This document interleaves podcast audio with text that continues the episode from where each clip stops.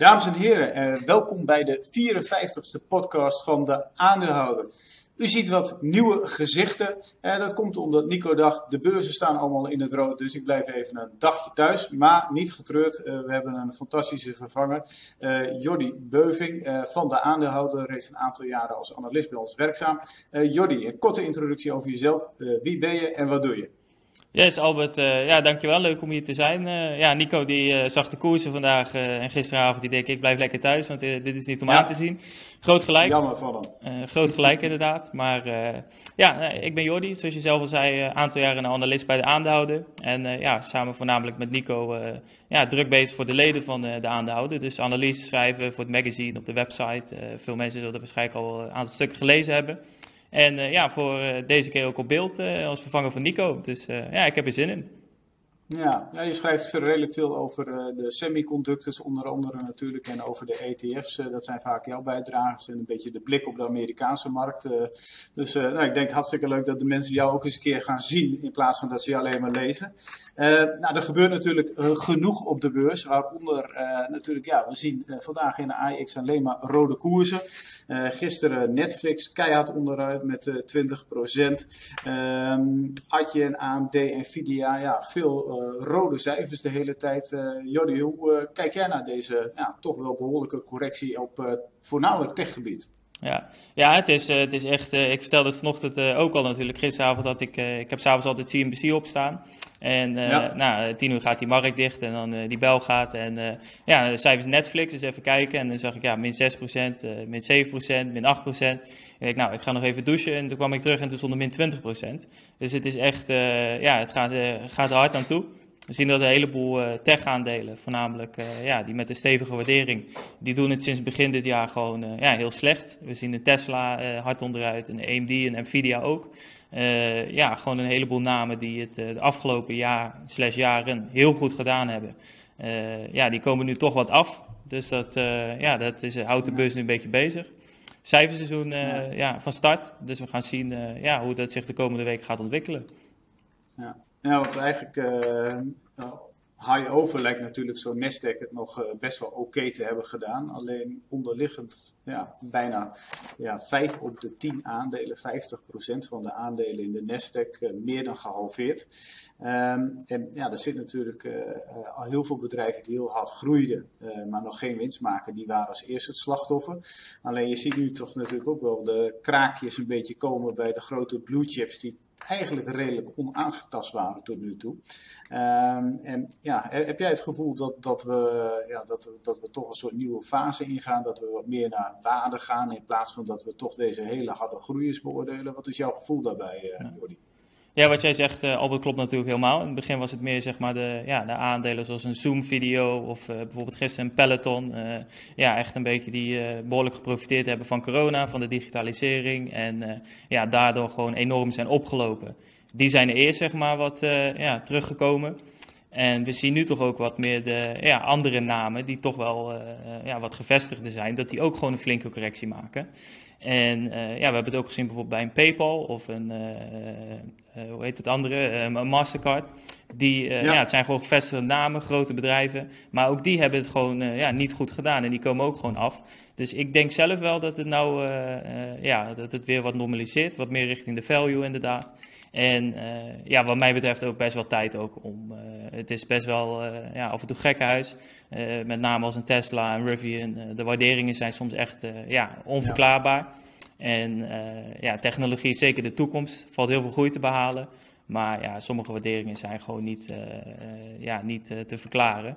En ja, dat er nu weer wat terugkomt lijkt mij, ja, lijkt mij wel logisch ook. Ja. en als we dan uh, wat, uh, nou, eigenlijk een, een specifiek stuk pakken hè, uit die technologiehoek, uh, dan, dan, kijken we naar de chipindustrie, hè, waar je over het algemeen heel veel mooie research over schrijft. hadden we deze week natuurlijk eigenlijk de, de, cijfers van ASML, een beetje de, de, de parel van de Nederlandse beurs. Hoe heb jij naar die cijfers gekeken, Jordi? Ja, klopt. De afgelopen week cijfers van ASML. Natuurlijk ja, leuk om te zien aan dat er heel veel beleggers mee bezig zijn. En terecht. Uh, nou, cijfers waren op zich uh, best prima. Omzet kwam iets uit onder de verwachting. Het was 5 miljard, waar de, ja, 5,1 miljard werd verwacht. -hmm. uh, dat was verder niet heel bijzonder. Maar wat opviel was dat de bruto marge die lag een stuk hoger dan de analisten hadden voorzien. En daardoor ja, reageerde het aandeel ook positief op de cijfers. Ehm, en misschien wel interessant is de outlook waar ze het over hadden. Want ja, ASML heeft zelf aangegeven wat ze voor 2022 verwachten. En wat ze eigenlijk hebben gezegd is dat ze een omzetgroei van 20% verwachten. En dat is inclusief de ja, brand uh, in Berlijn die onlangs uh, ja. ja. de beleggers bezig hield. Er was brand uitgebroken, daar heeft het magazine ook een stuk over geschreven. En ja, de vraag was eigenlijk van ja, wat gaat precies die impact zijn? En uh, ja, ASML heeft nou aangegeven, nou verwachten 20% omzetgroei. En dat is inclusief mhm. die brand. En ja, we verwachten daar eigenlijk niet heel veel impact van. Dus dat is op zich goed nieuws. Um, ja, was eigenlijk ook natuurlijk de, de CEO die zei letterlijk volgens mij, ik pak het er even bij.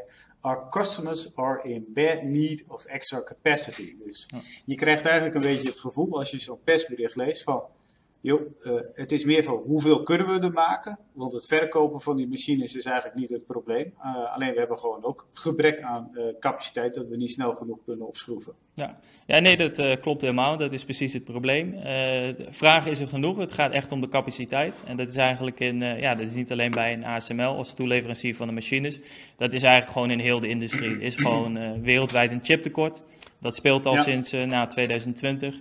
Uh, is verergerd vanwege de coronacrisis, zeg maar. En uh, ja, de, uh, de, de, capaciteit is gewoon, draait op volle toeren. En het gaat nou eerder om het uitbreiden van de capaciteit. We zien bijvoorbeeld ook dat ja, een partij als Samsung en TSMC, goed voor het merendeel van de wereldwijde chipproductie, die gaan miljarden uitgeven de komende jaren om die capaciteit uit te bouwen. Uh, ja, dat is natuurlijk fantastisch nieuws voor ASML, want die zijn eigenlijk de enige die die machines kunnen leveren. Uh, zeker de ja. nieuwe high-tech, uh, nieuwste new generation, zeg maar. Ja, dus, TUF, heet, de, dat heet de TUF, een beetje een rare naam natuurlijk. TUF. Ja, de TUF.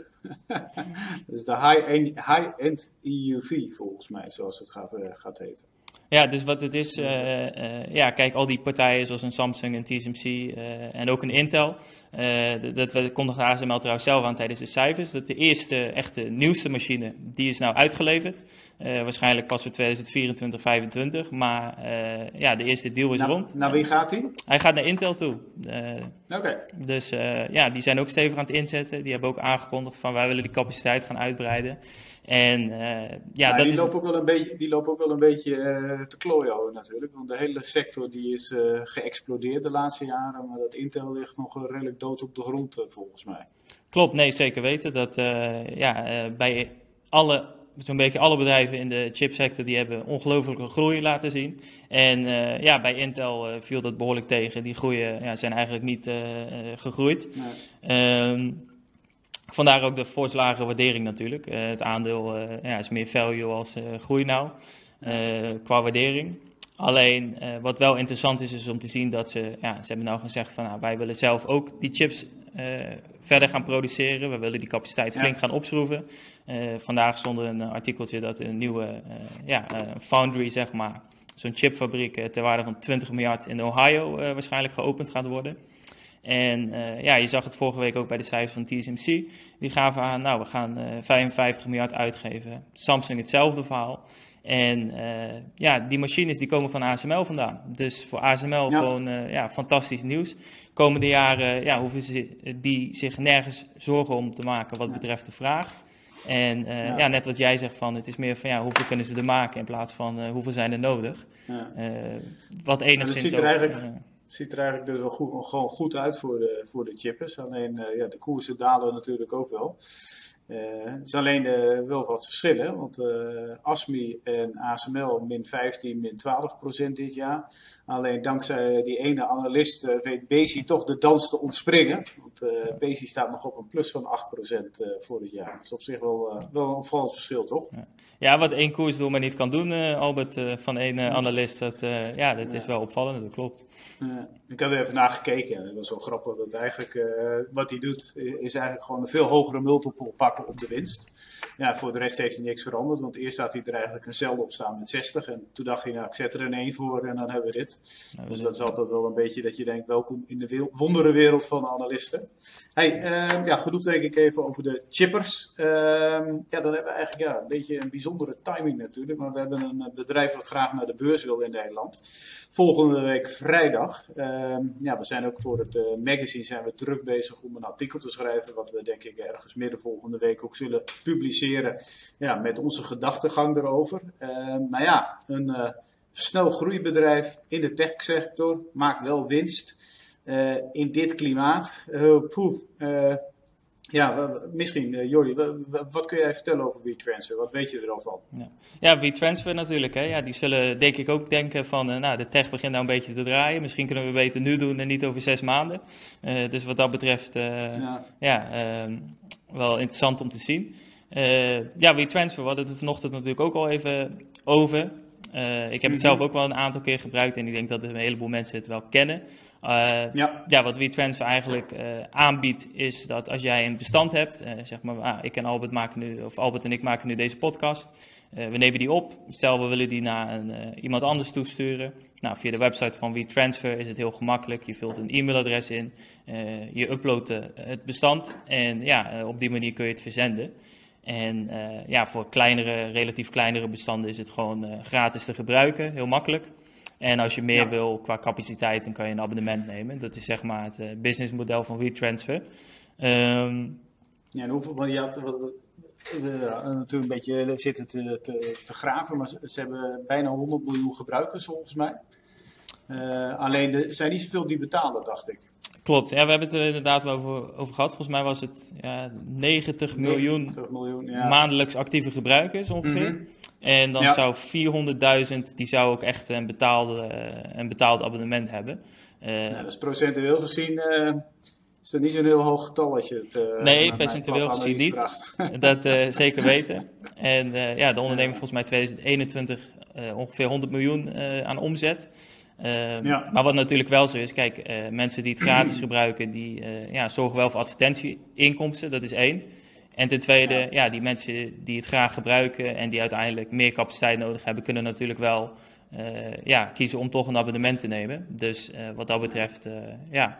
Maar, wel, maar ja, wel veel groei natuurlijk nu, maar ook wel denk ik toch wel ook een beetje, ja, het zal natuurlijk ook wel een beetje geholpen zijn door corona. Veel mensen thuis die bestanden willen versturen.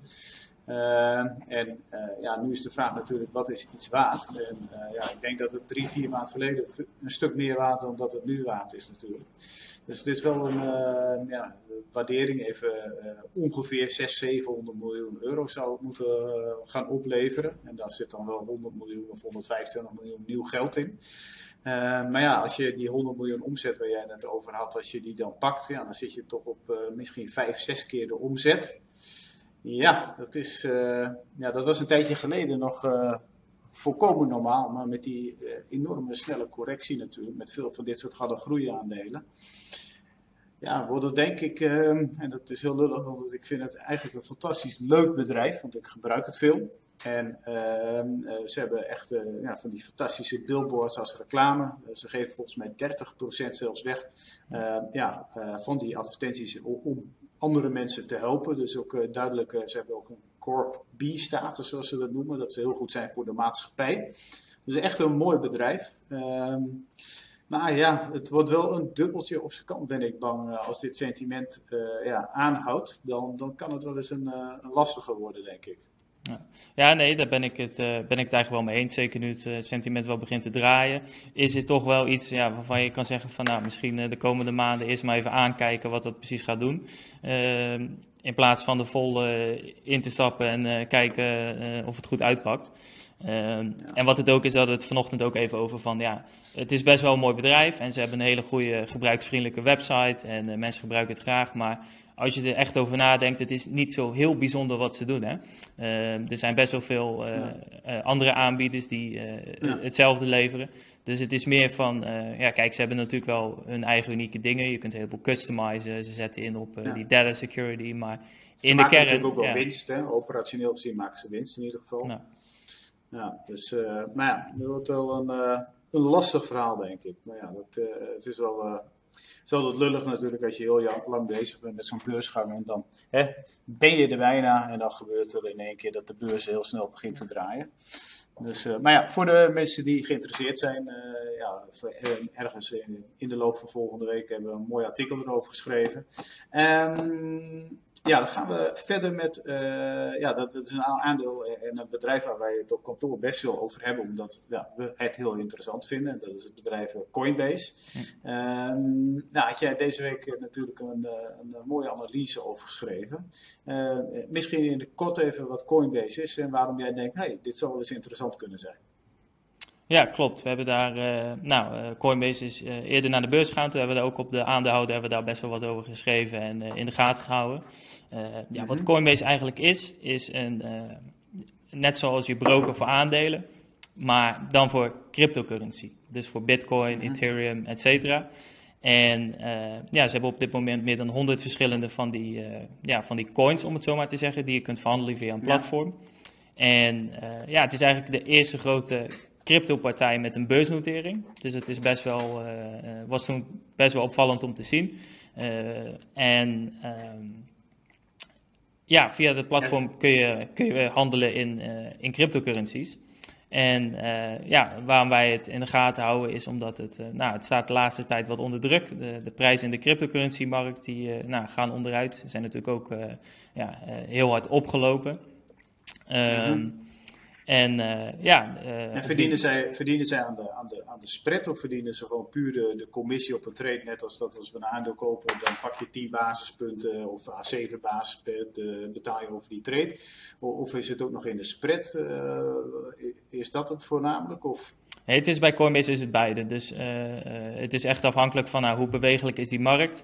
Uh, hoe meer volatiliteit, hoe meer Coinbase eigenlijk rekent voor jouw transactie. dus mhm. eigenlijk, ja, het geldt hetzelfde als bijvoorbeeld bij een flow traders. Hoe meer volatiliteit in de markt, hoe meer die markt op en neer gaat, ja. hoe meer Coinbase ja, kan verdienen. maar dat is nu wel goed natuurlijk. Dus dat is op zich best wel prima.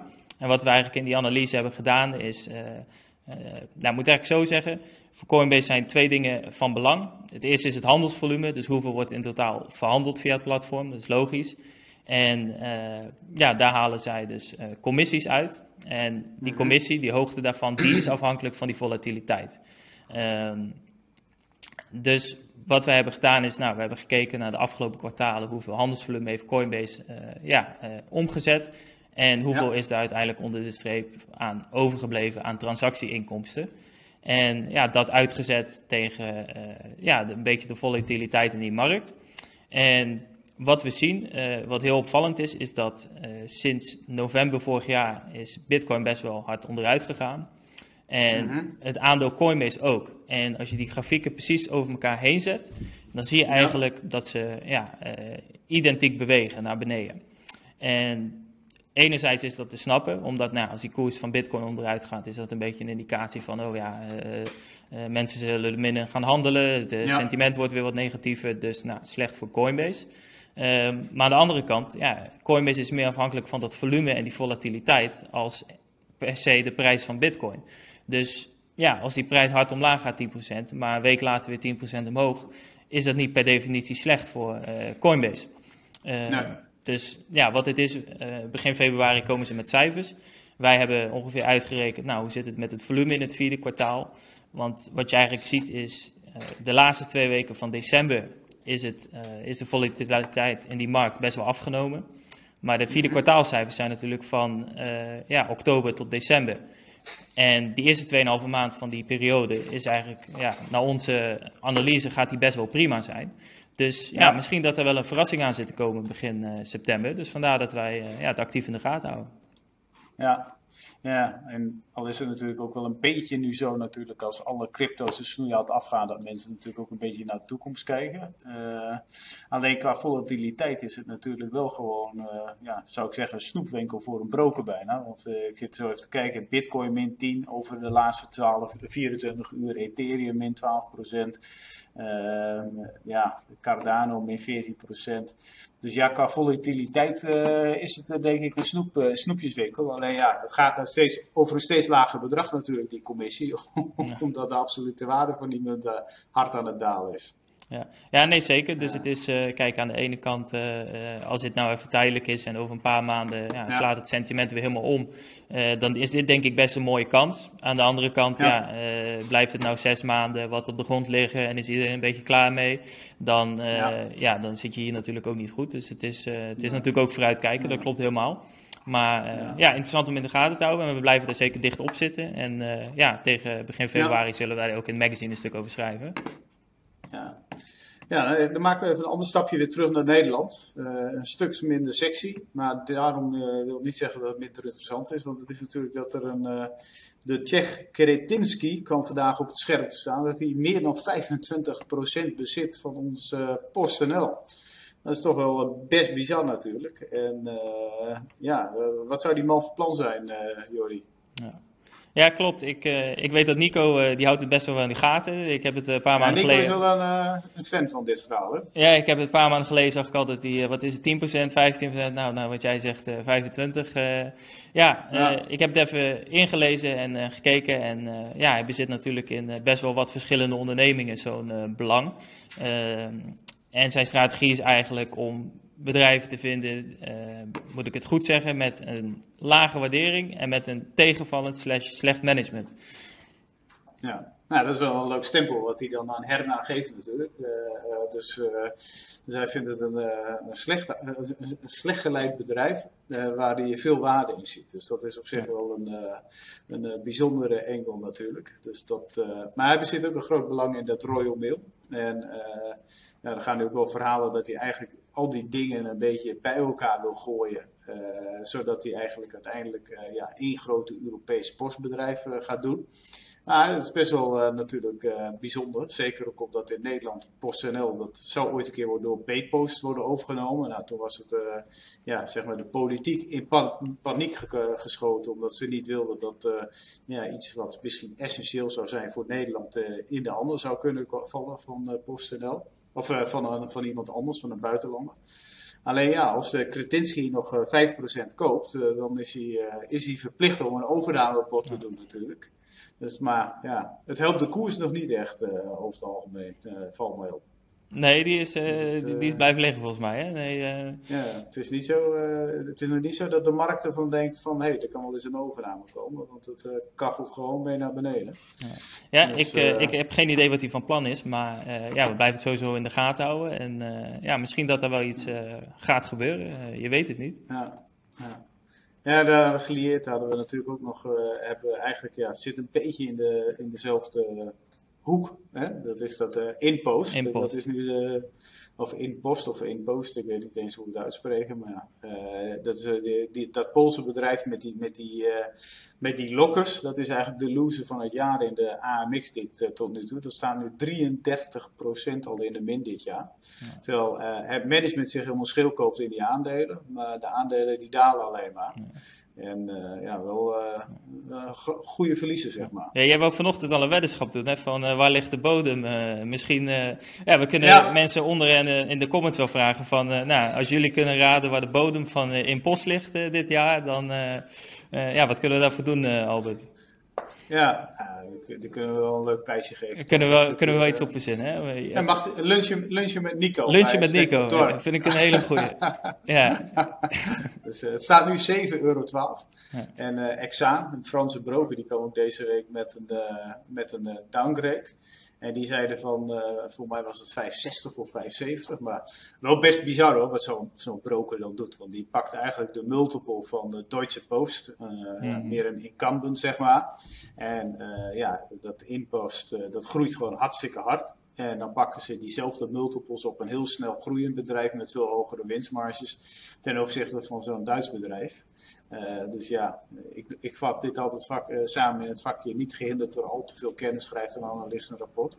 Ja. Alleen ja, impact hebben ze wel. Want het aandeel dat, uh, ja, dat is wel echt gaat, redelijk had, kapot, om het zo maar te zeggen. Ja. Voor mij was de IPO-prijs vorig jaar 14. 14 Toen hebben we voor mij 21 of zo gezien in die weken daarna. En nu staan we, uh, as we speak, uh, op 7. Nou ja, net, net als wat Jordi zegt. Uh, schrijf uh, hieronder in de comments, doen ze altijd zo toch? Dan, uh, welke, wat de bodemkoers, wat de bodemkoers van, van de impost is van dit, impost gaat zijn. Ja. dus wie er dichtst bij zit, die krijgt een prijsje. Dat gaan we regelen. Dus, ja, terwijl, terwijl het idee is eigenlijk wel leuk, Albert. Tenminste, van, die, van die kluisjes, zeg maar.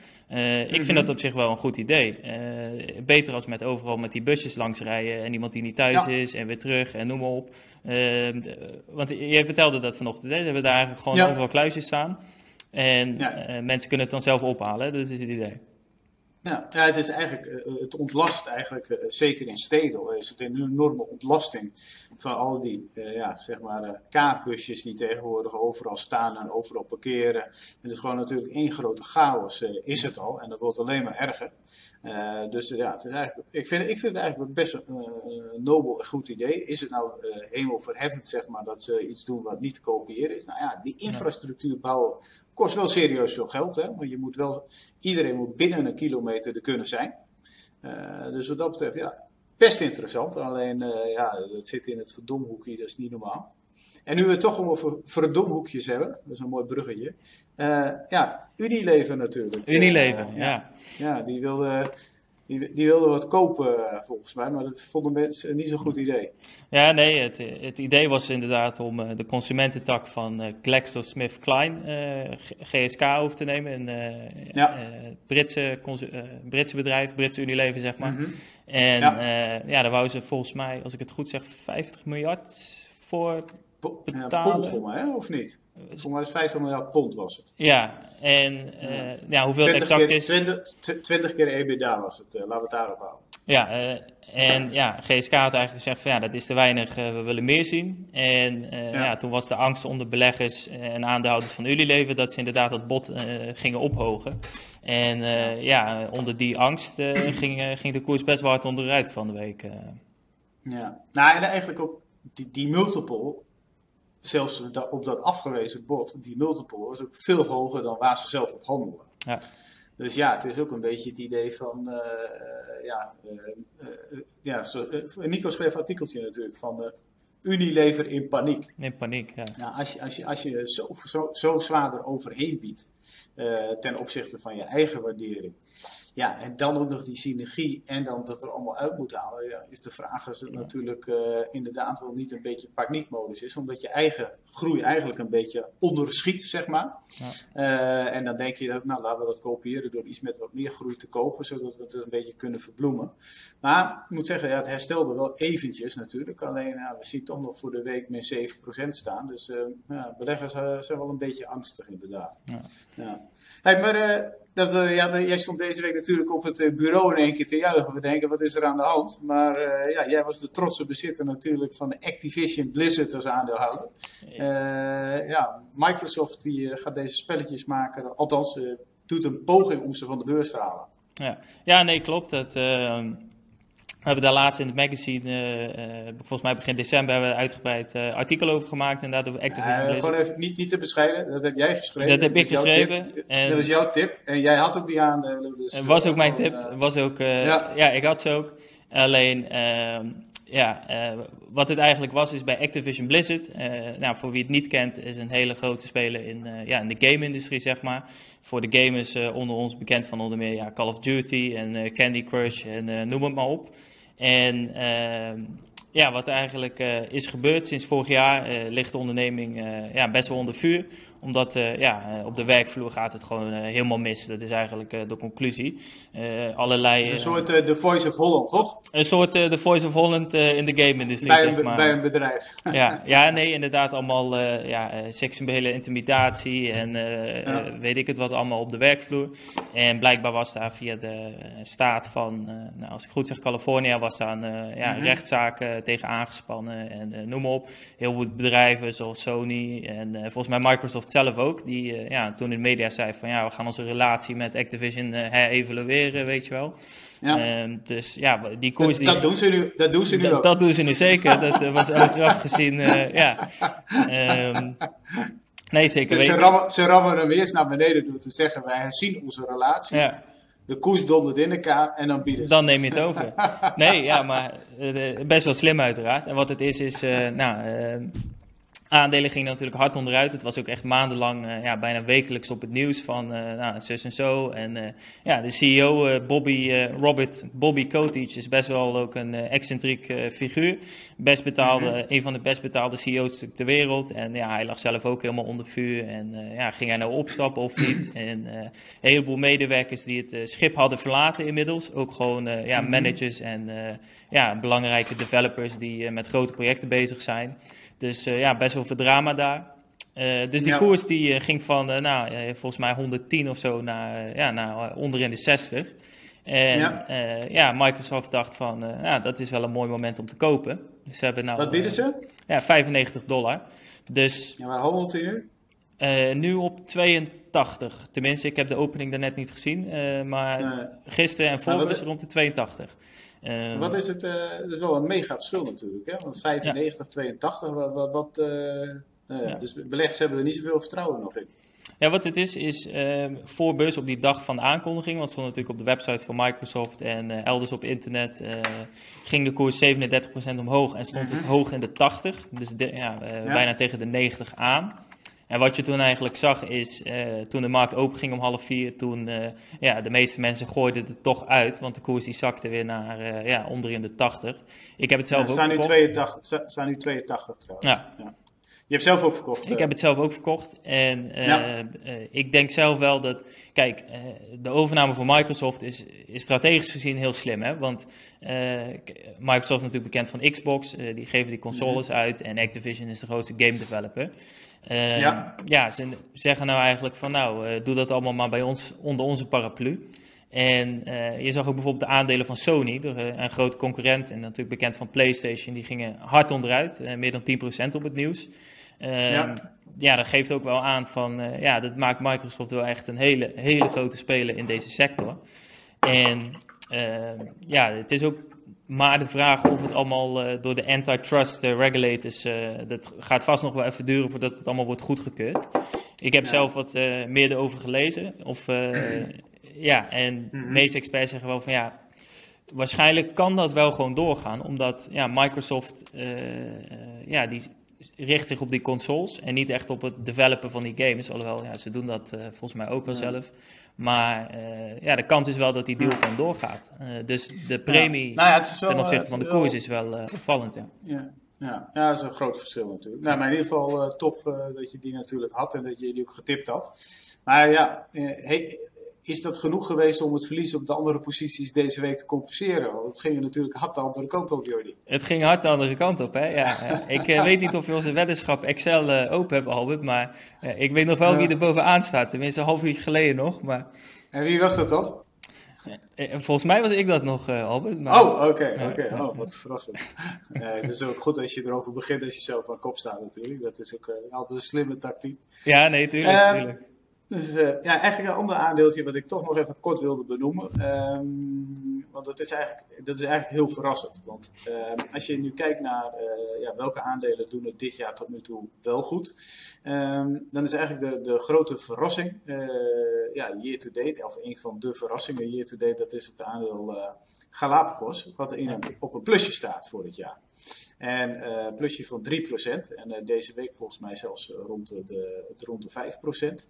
Ehm, ja, deze week 5%. En ei- eigenlijk heel bijzonder natuurlijk. Want ja, niemand heeft het meer over Galapagos. Het is compleet uitgekotst natuurlijk na de problemen van vorig jaar met Phil Gottenip. Ehm, dus ik, ik had iemand gebeld die, die heel veel in, in biotech doet. En ik zeg, oh, ja, eh, ze staan onder hun cashwaarde, hè, nou, want ze hebben heel veel geld. En van, ja, hoe kan het nou dat ze eh, dit jaar eigenlijk hartstikke goed doen?